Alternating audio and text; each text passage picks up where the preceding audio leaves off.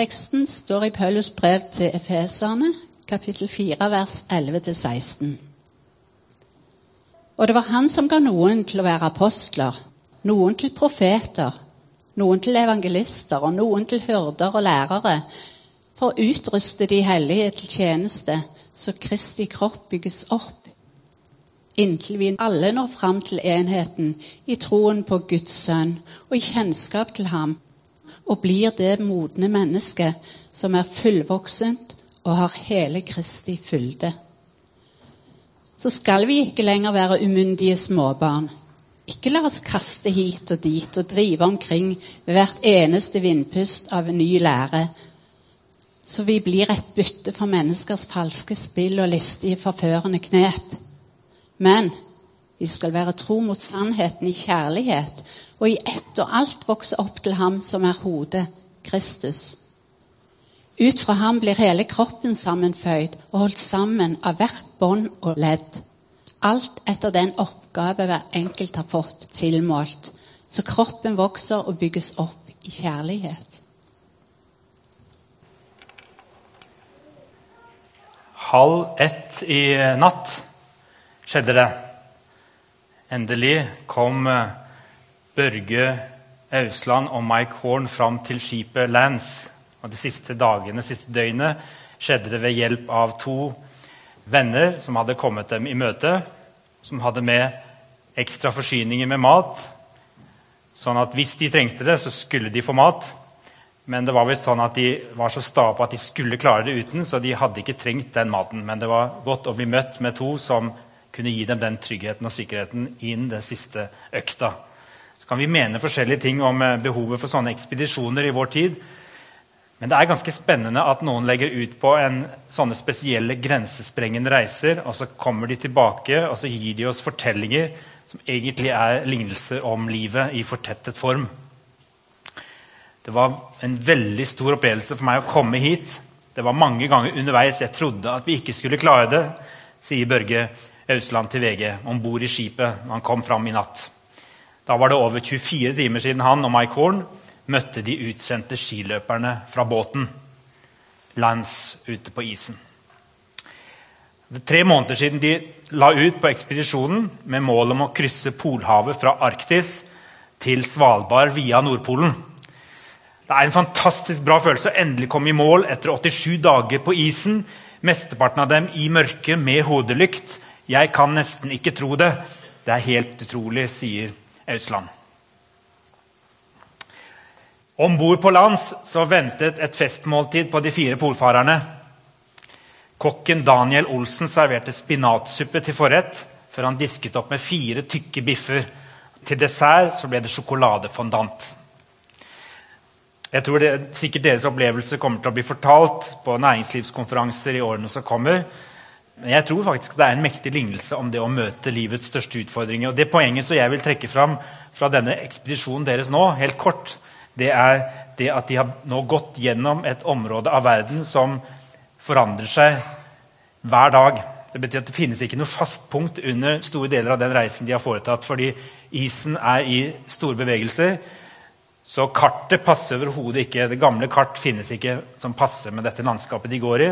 De er i bevegelse, men de har et kompass, de har en retning, og den båten som skulle møte dem, den har stått på et punkt ganske lenge. Så de har visst retningen de skulle gå i, men de måtte gå til venstre, til høyre, og så fikk de en stor råk på slutten som de måtte ta seg over, og som de måtte være helt trygge på før de gikk i gang med. Og underveis siste døgnet så falt en av de ned i vannet og måtte dras opp igjen, inn i teltet, tørkes med varme på frimus, skifte klær, og så kunne de gå ut igjen og ta noen skritt til.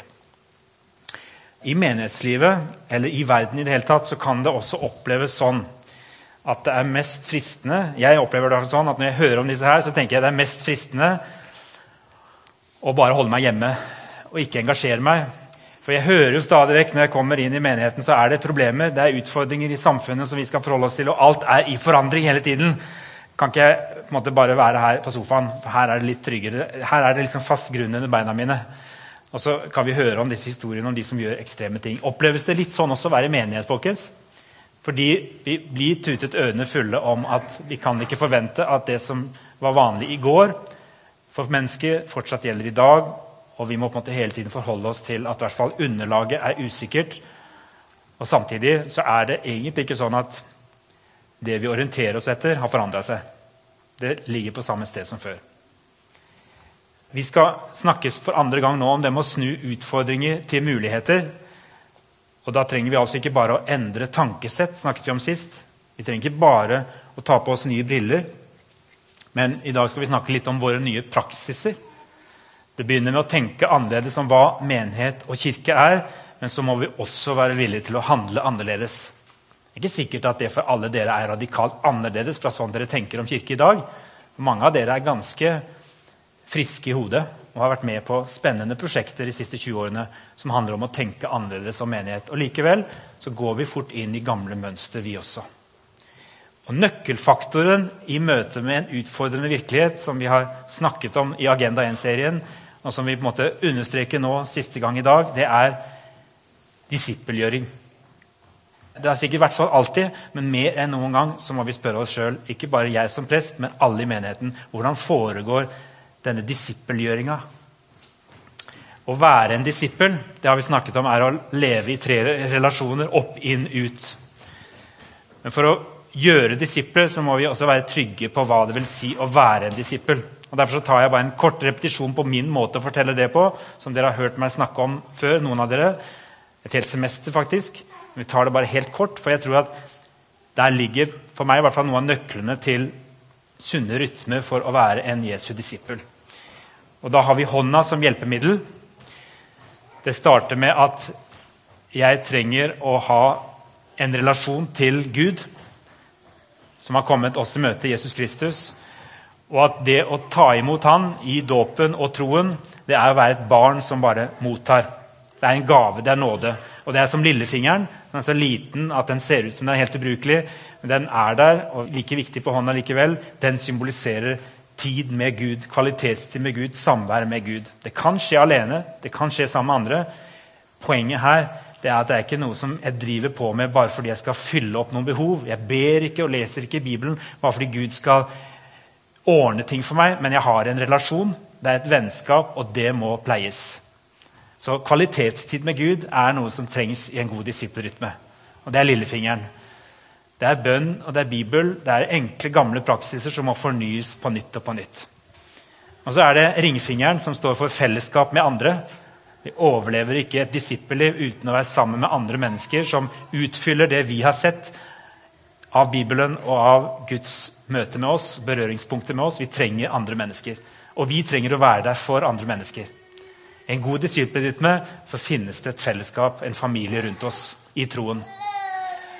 Og I en god disippelrytme så finnes det en langfinger som står for tjenesten og oppdraget. Det at hver enkelt av oss spør oss ved gjennom mellomrom hvem er jeg sendt til, og hvem er jeg sendt sammen med nå? Hva er det Gud ønsker å bruke akkurat meg til, med min gaveutrustning og med mitt engasjement og med min, mitt fokus i livet, i min livsfase?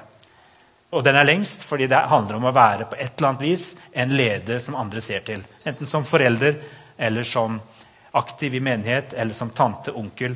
Noen ser til meg. Hva er mitt oppdrag? Og så er det pekefingeren. I den gode rytmen så handler det om at noen ganger så må vi ha hvile fra hverdagen. Vi trenger å reise vekk eller på andre måter gjøre noe annet enn det vi gjør til hverdags. Så det er Jesus som sier 'kom til meg', kom til et avsides sted, og sier 'jeg vil ta meg av deg litt'. Kanskje er det på retreat, kanskje er det på en konferanse, kanskje er det på en ferie men der Gud vil møte oss på et annerledes sted. Det trenger vi med regelmessige mellomrom for å ha en bærekraftig disippelrytme. Når du hører disse tingene her, som du kanskje har hørt før, eller kanskje var det nytt for deg, kjenner du at det er noen av disse fingrene du trenger å se litt på igjen? Er det godt å være disippel av Jesus? Er det godt å høre han til? Eller er det noe du ønsker måte, å komme inn i nå og ta del i? Det er et liv. Det som vi ofte snakker om når vi snakker om å være disipler, og gjøre disipler, det er jo den lange fingeren, det er tjenesten. Men den må på en måte omsluttes av disse andre, ellers så blir det fort slit og mas og, og bare tungt. Gå derfor og gjør alle folkeslag til disipler, sier Jesus. Døp dem til Faderens og Sønnens og Den hellige ånds navn, og lær dem å holde alt det jeg har befalt dere, og se, jeg er med dere alle dager inntil verdens ende. Og Egentlig så sier han, mens dere går, gjør disipler i det dere døper og lærer. Så det handler egentlig om ett imperativ, og det er at vi skal holde på med å gjøre disipler. Og det holder vi på med mens vi går. og Det kan være fysisk, å reise til andre mennesker, men det er også i overført betydning uttrykk for at det er en prosess, det er en vandring, og det er noe vi holder på med sammen med mennesker. Det betyr at det er ikke bare knyttet til én aktivitet, men det er gå ved siden av over tid. Gjøre disipler, det er ikke og Der er kanskje en av de store forskjellene på hvordan vi ofte tenker kirke og menighet. det er at Vi tenker at det knyttes opp mot bestemte aktiviteter vi har lagt inn i uka. Selvfølgelig må det kanskje gi seg uttrykk i det, men det er liv. Det er noe vi holder på med sammen med andre mennesker. Ikke først og fremst en bestemt time i uka, men det er relasjoner. Og relasjoner det, det kan av og til flyte litt, gå litt over hverandre. Vi skrur ikke av og på denne å være følgesvenn. Det er noe vi kanskje må være til ulike tider. Noen ganger så kan det være at det trengs på et annet tidspunkt enn det som lå i kalenderen. Oppdragelse av barn det skjer mens vi lever sammen i heimen. Skal du gi noe videre, så vet vi det. Oppdragelse av medmennesker, enten det er ungdommer eller voksne, i det å høre Jesus til, det handler også om å leve livet i lag. Det er ikke noen annen måte å gjøre det på. Det fins ikke noen annen oppskrift. Vi må leve livet i lag. Så sier da Paulus noe interessant til Timotius, som viser at uh, denne her måten å gjøre det på, det hadde han taket på helt fra starten av. Han skjønte at han aleine kunne snakke med én, to, tre stykker. Og han kunne da jobbe med sånn addisjon. Legge til, plusse. De som jeg kjenner, kanskje fire, fem, seks, ti stykker, de kan slutte seg til fellesskapet gjennom at de kjenner meg. Det er sånn addisjonsmåten. Men Paulus han var tidlig ute med å se at det funker ikke. Det må skje gjennom multiplisering. Og Derfor så sa han til Timotius, sin gode venn og medarbeider, i 2. Tim 2.2.: Det du har hørt av meg i mange vitners nærvær, skal du gi videre til pålitelige mennesker som er i stand til å undervise andre. Ser dere prosessen her? Det du har hørt av meg, det Paulus har gitt til Timotius, det skulle Timotius gi videre til eh, pålitelige mennesker.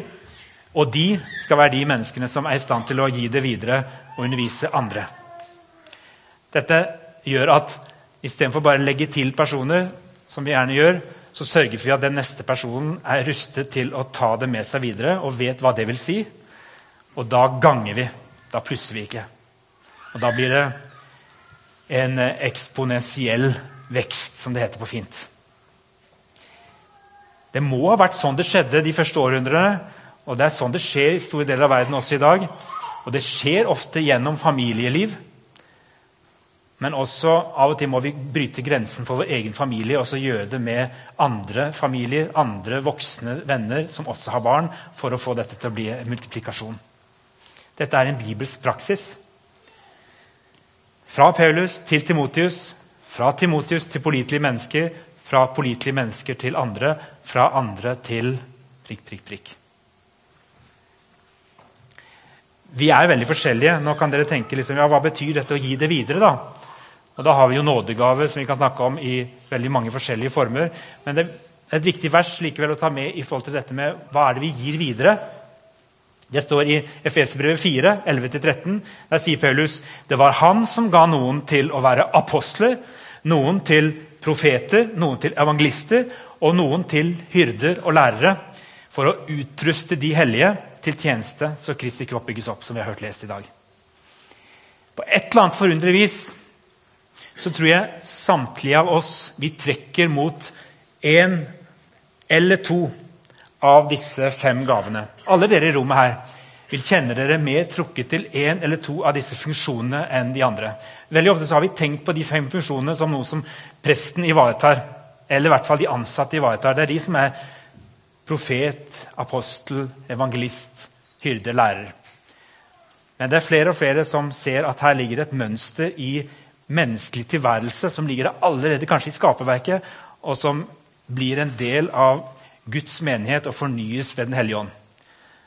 Og Det skal ikke jeg si så veldig mye om i dag, men jeg skal bare si én setning på hver av disse begrepene, sånn at dere kanskje får litt hjelp til å ta det ut av det litt sånn trange åndelige skallet som vi kanskje, eller boblen som vi setter det inn i. Apostelen tror jeg veldig ofte er den som ser mulighetene og vil endre på det som er i dag. Kjenner dere noen? Apostelen er den som veldig ofte ser muligheter, og som ser at noe må endres for å komme dit hvor vi trenger å gå. Kjenner dere noen rundt dere? Er det sånn dere av og til kjenner det på sjøl? At dere sitter i menigheten på en utålmodighet. Her må det endring til. Vi må få til noe nytt. Her er jo muligheten til stede, men de tas ikke. Profeten det er en som ser utfordringene kanskje ser utfordringene vel så tydelig som mulighetene og er flinke til å påpeke dem for oss. Folkens, det er en del av virkeligheten dere ikke ser. Dette er en utfordring. Dette må tas tak i. Ser dere den? Apostelen ser mulighetene, profeten ser utfordringene. Det som ikke alltid er synlig for det blotte øyet. Evangelistene det er de som har tro på prosjektet. Det er de som får flere med, så ikke apostelen blir stående alene. Det er selgeren. Det er den som er god på relasjoner, eller som på andre måter snakker med mennesker og knytter flere til fellesskapet. I en bedrift så vil det kanskje være markedsføringsavdelingen. Men vi gjør det ikke helt sånn, vi tar det ikke helt ut der. Men i det allmennmenneskelige så vet vi om det er mennesker som har en tro og en evne til å smitte andre med sitt engasjement. Og Noen av oss har det litt mer enn andre, men vi kjenner igjen iblant oss. Og så er det Hyrden det er på en måte personalavdelingen. Det er de som tar seg av menneskene. Og Det er altså rett og slett de som oftest ofte ser at menneskene er viktigere enn saken. folkens. Vi kan ikke bare holde på med denne saken og oppgaven. Vi må se menneskene. folkens. Ellers så glipper det for oss. Vi må ta vare på de vi har her, og vi tar vare på de menneskene som kommer.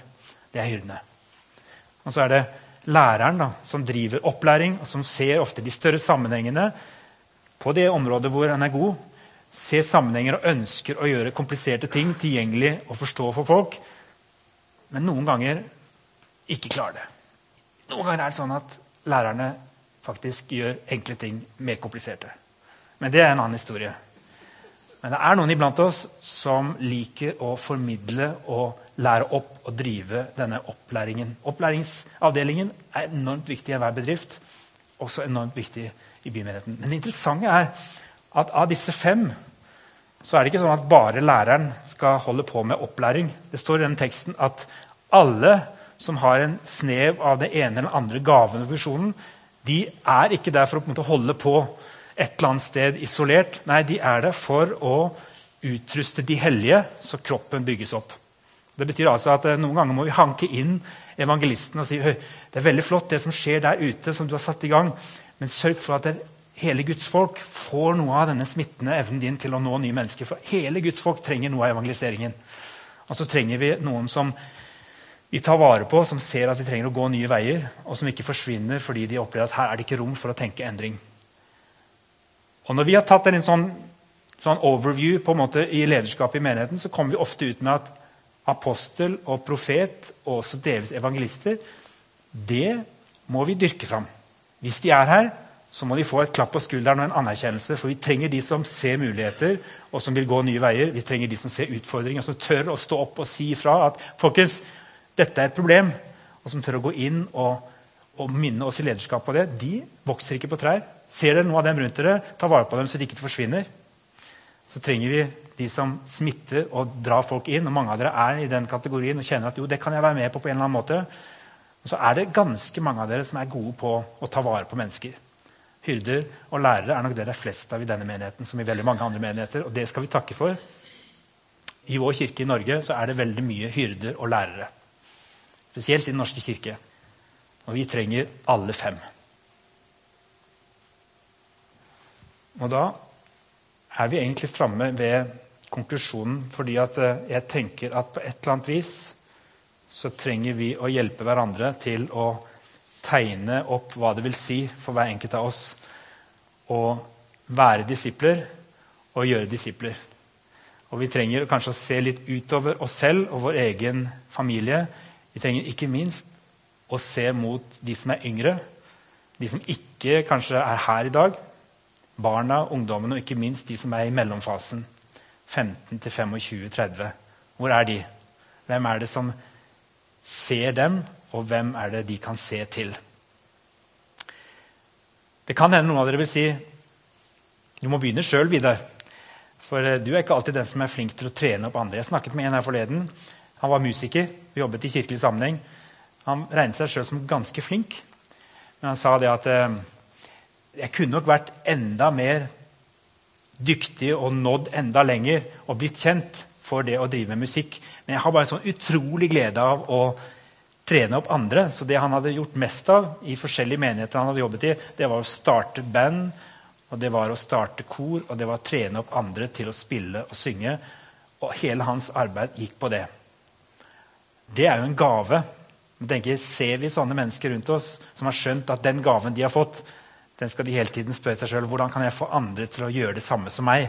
Da har de kanskje skjønt og grepet noe av det Paulus var opptatt av når vi skulle bygge Guds rike. Jeg håper det er en sånn kultur vi kan heie fram i menigheten vår. Da kan vi virkeliggjøre Agenda 1. Når vi i større grad ser at eh, oi, det jeg holder på med, jeg kan ta med en i det. Så kan han gå sammen med en stund, og så kan han se på meg, og så kan jeg etter hvert se på han eller henne, og så kan de til slutt klare seg selv, og så går de videre og gjør de det samme med neste.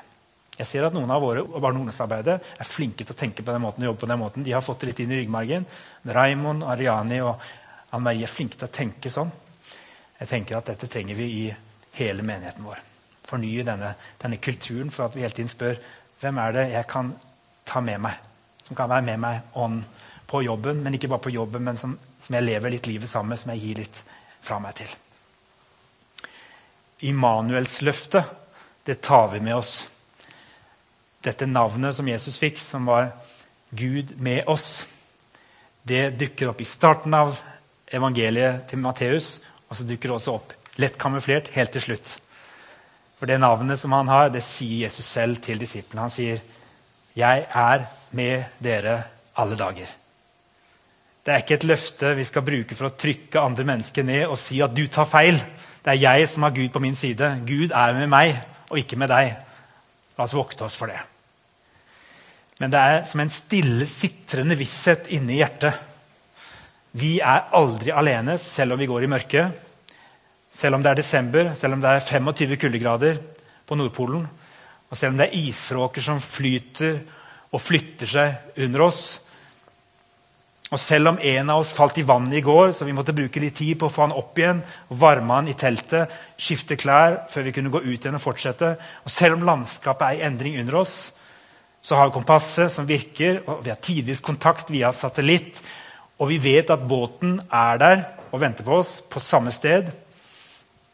Og om bord på båten, som ventet på dem for å ta dem med helt hjem, ventet et festmåltid på de fire følgesvennene. Kokken Daniel serverte spinatsuppe til forrett før han disket opp med fire tykke biffer. Til dessert ble det sjokoladefondant. Det høres ut som noe Jesus kunne ha sagt i en lignelse om Guds rike. Det kan virke som alt flyter, men da er det han vi går sammen med, som er avgjørende. Ikke Børge Ausland, men Jesus. Han går sammen med oss hvert skritt. Han er på en måte flere ting på en gang. Han har mange navn og flere funksjoner. Han er den som går med oss. Han er også veien, og han er målet. Ta med dere disse spørsmålene til ettertanke som enhver disippel hele tiden må spørre seg. Kanskje greit å ta en oppsummering ved slutten av året eller ved inngangen til et nytt. Hvem er jeg sendt til? Og hvem er jeg sendt sammen med? Hva har jeg, eller hva gjør jeg, som jeg kan gi videre? Smått eller stort? Hvem skal jeg gi det videre til? Kjære himmelske Far. Takk for at vi aldri er aleine, selv om vi kan føle oss aleine. Gå du med oss, for veien er lang, Tal til oss, styrk oss, før oss helt hjem. Og la oss få med oss mennesker på veien som kan få del i det du har gitt oss. I Jesu navn. Amen.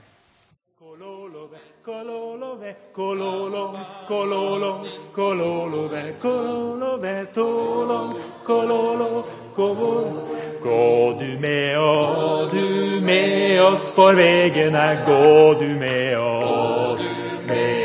For vegen, gå du med oss for vegen.